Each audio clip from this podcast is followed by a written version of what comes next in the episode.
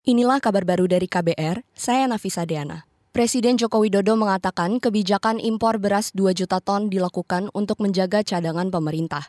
Cadangan beras itu disiapkan guna mengantisipasi terjadinya kemarau panjang yang berimbas pada produksi padi nasional.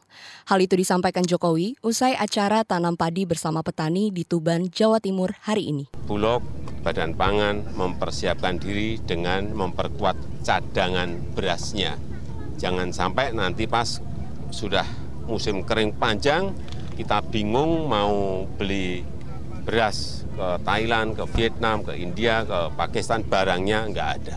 Presiden Jokowi mengatakan El Nino atau pemanasan suhu muka laut bisa mengakibatkan kekeringan panjang, sehingga pemerintah perlu mengantisipasi dengan menyiapkan cadangan beras. Jokowi menjamin impor beras 2 juta ton itu tidak akan mengganggu harga beli gabah di tingkat petani.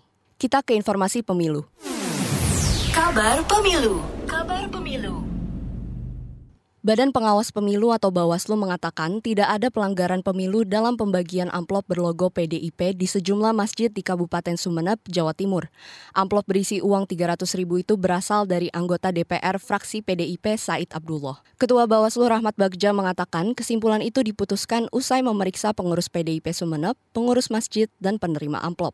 Bawaslu telah menindaklanjuti dugaan pelanggaran peristiwa pembagian uang zakat dalam amplop berlogo partai politik yang terjadi di Sumeneb, Jawa Timur pada Jumat 24 Maret 2023 yang lalu. Bawaslu memandang terdapat potensi kesalahan hukum dalam peristiwa tersebut mengingat pembagian dilakukan di tengah berlangsungnya penyelenggaraan tahapan pemilu tahun 2024 Hasil pemeriksaan dan klarifikasi Bawaslu menunjukkan bahwa tidak terdapat dugaan pelanggaran pemilu dalam peristiwa tersebut. Ketua Bawaslu Rahmat Bagja mengatakan pembagian amplop itu bukan merupakan pelanggaran pemilu karena tidak ada ajakan memilih Said Abdullah. Apalagi yang bersangkutan belum menjadi calon anggota legislatif. Rahmat menambahkan saat itu juga belum memasuki tahap kampanye pemilu. Kita ke informasi daerah. Gubernur Daerah Istimewa Yogyakarta atau DIY, Sri Sultan Hamengkubuwono X meminta para pengusaha memberikan tunjangan hari raya atau THR tepat waktu, utuh, dan tidak dicicil.